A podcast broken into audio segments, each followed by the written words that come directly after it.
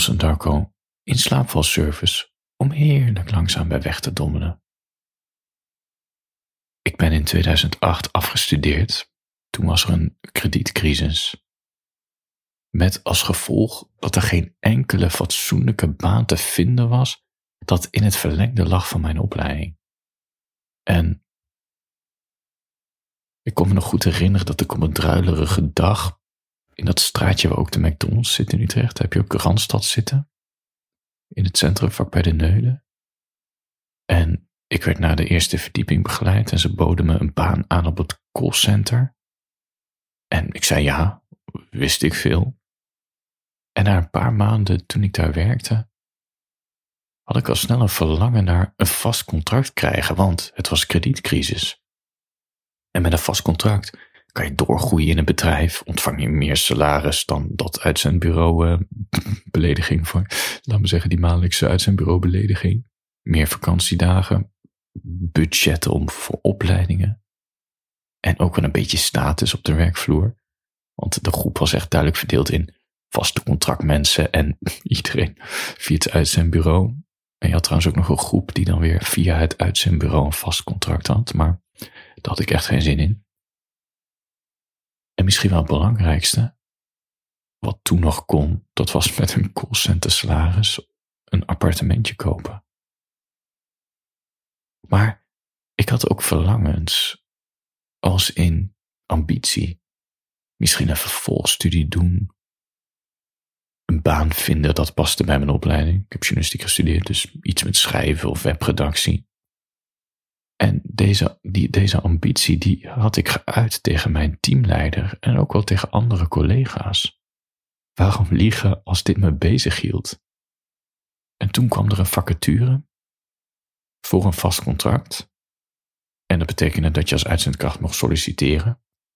Waren mensen verbaasd dat ik solliciteerde.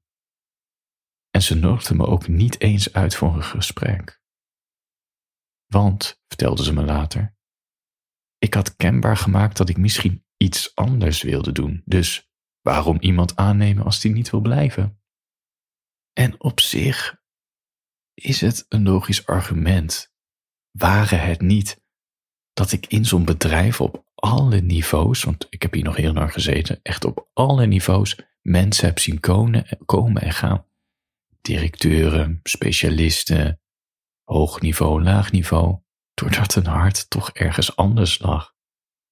Luister, niemand neemt een baan om er tot het pensioen te zitten. Zelfs de directeur niet, zelfs die managers niet. Dus waarom mag iedereen met een carrière bezig zijn? Maar als ik, simpele callcenterziel, mijn ambitie uitspreek, slaan ze me over voor een vast contract. Waarom mag ik dat dan niet openlijk zeggen? Ik heb daarna mijn verlangens onderdrukt, of in ieder geval mijn, mijn ambitie niet meer zo uitgesproken. En ik ging zeggen wat ze wilden horen. Dat ik het heel erg naar mijn zin had, dat ik wilde doorgroeien in een bedrijf, zodat ik toch dat vaste contract zou krijgen. En een half jaar later, bij een nieuwe ronde, werd ik aangenomen. Blijkbaar had ik die teamleiders overtuigd dat ik een toegevoegde waarde was.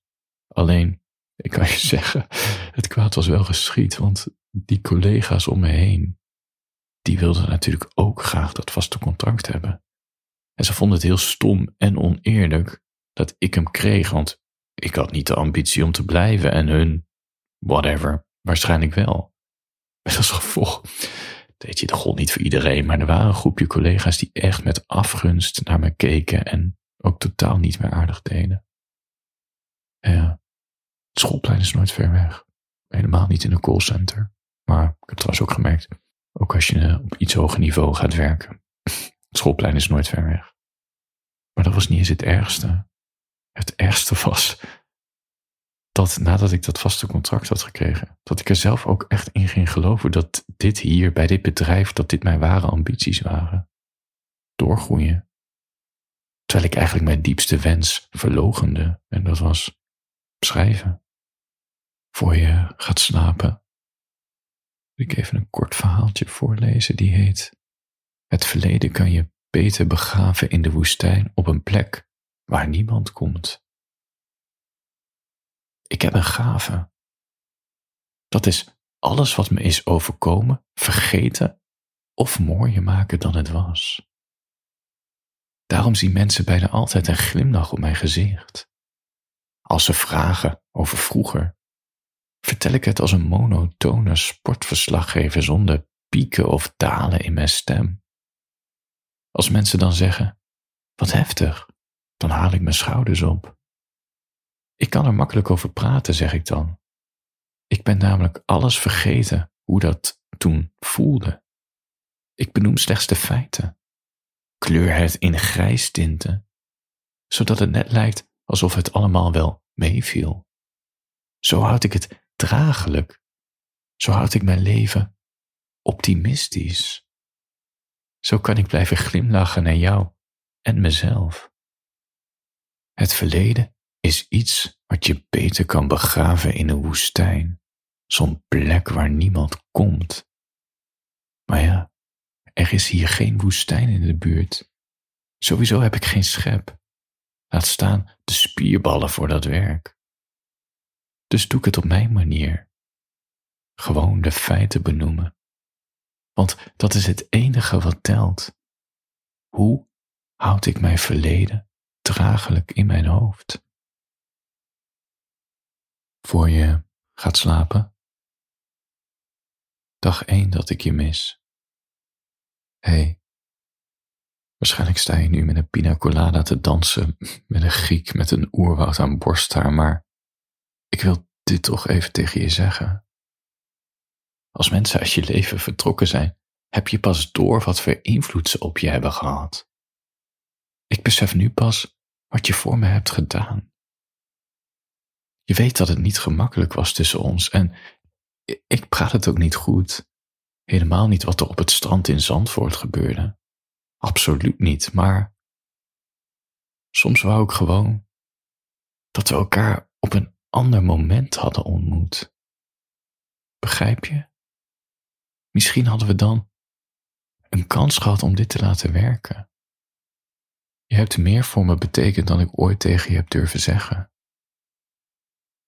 Ik denk aan je. Hopelijk jij ook aan mij, ook al heb ik maar één haartje op mijn borst. Handjes boven de dekens. Slaap lekker.